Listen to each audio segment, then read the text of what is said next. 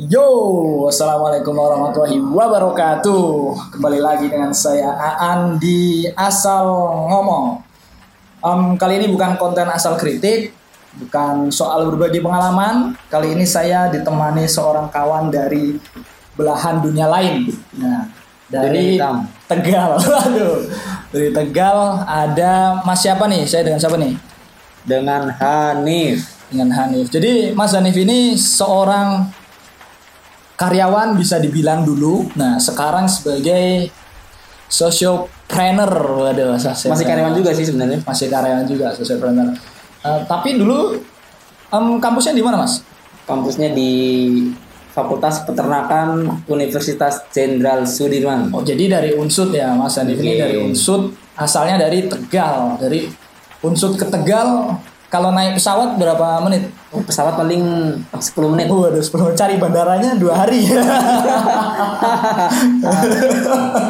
waduh, waduh, waduh. Jadi ya background beliau adalah peternakan dan gacor sih. Udah sampai ke mana ente dulu bro? Paling jauh untuk- urusan peternakan Iya, tuh ke Lampung.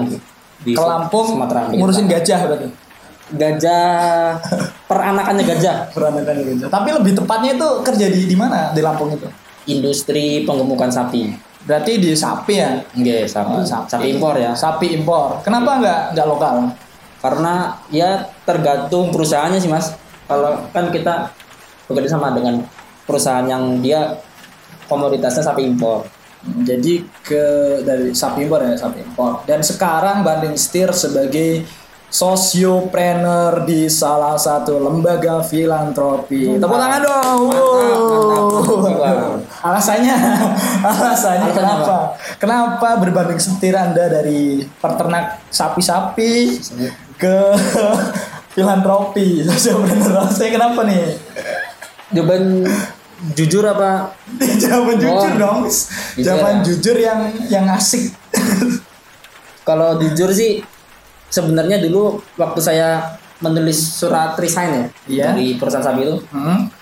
eh, jelas kan kita punya punya punya perencanaan. Iya betul. Setelah ini mau mau lanjut ke mana gitu. Ah, sama sih. Nah, ketika menulis surat res- surat apa surat resign itu ada satu hal yang ingin saya pikirkan adalah saya ingin ke lembaga sosial. Berarti memang sudah planning pingin ke lembaga Ya, sosial. cuma ya, lembaga sosialnya apa kan dulu belum jelas ya. belum jelas betul betul. Tapi emang kecenderungan ke sosial itu ada ya itu ya. Ya, gimana ya? Mungkin feeling-feeling sih. Jadi Waduh, mau feeling-feeling, mau bosku. jalan ke sana, ayolah coba. Nah kan padahal di lembaga sosial gak ada duitnya men. Hah? Jelas lebih banyak di industri loh duitnya. Oh, kalau itu jelas sekali. Iyalah. Kalau di sana kan gajinya kita udah sudah bisa bayar pajak lah. Emang sudah kena apa wajib pajak. Jadi kalau kalau saya dulu di di industri ya, industri tambang itu baru masuk aja udah di atas lima kan, Hmm. apalagi di peternakan. Nah, padahal di lembaga sosial juga nggak ada duitnya. Alasannya apa bro? Masa cuma pengen-pengen doang, pengen-pengen? Gak jadi untuk latar belakangnya sih sebenarnya dulu ya dulu waktu zaman sekolah itu saya saya, saya tuh ada keinginan tuh untuk masuk ke sebuah dinas sosial gitu. Dinas sosial. Karena saya tuh suka agak miris kalau lihat orang-orang yang di pinggir jalan nih loh yang suka minta-minta, yang suka ulung-ulung. Nah, saya tuh ada keinginan saya ingin berkontribusi untuk ke kehidupan mereka biar lebih baik seperti itu. Jadi kontribusi untuk berbagi ya.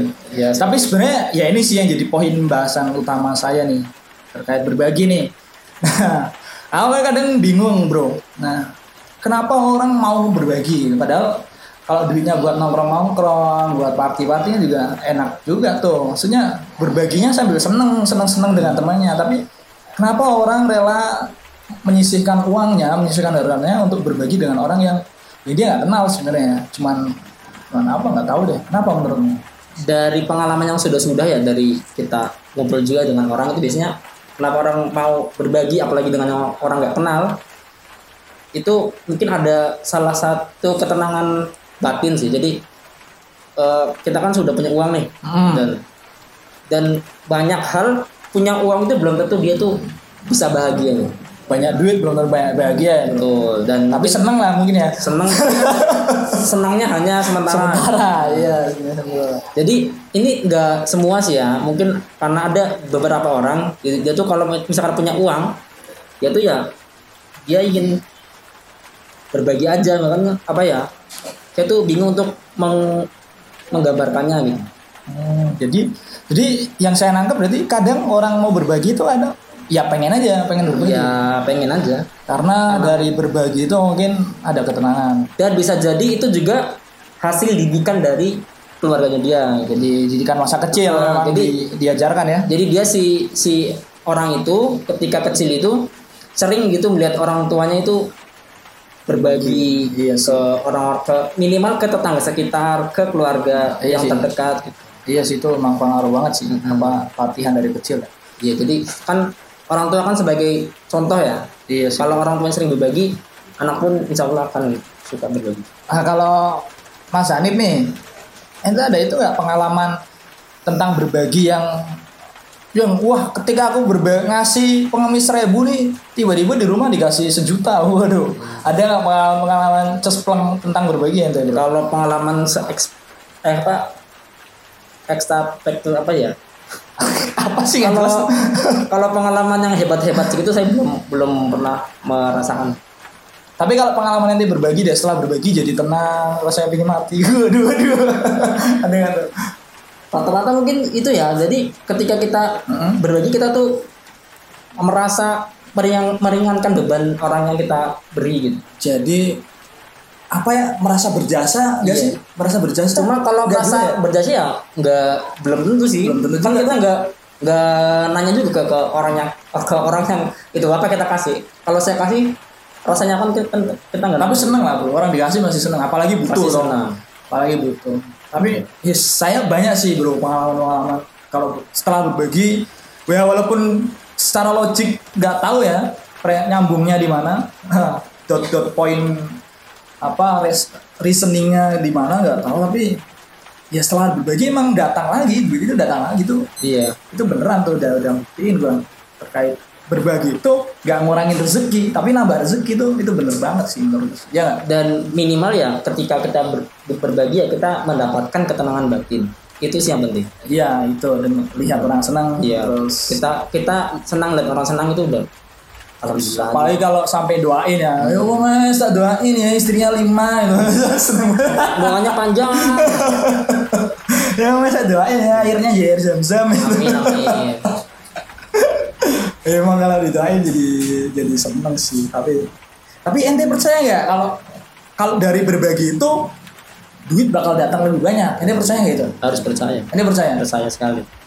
tapi belum belum Meskipun pernah saya berikan. seperti belum pernah merasakan sesuatu seperti itu secara langsung ya. Cuma dari beberapa orang yang pernah saya cerita ya kadang seperti itu.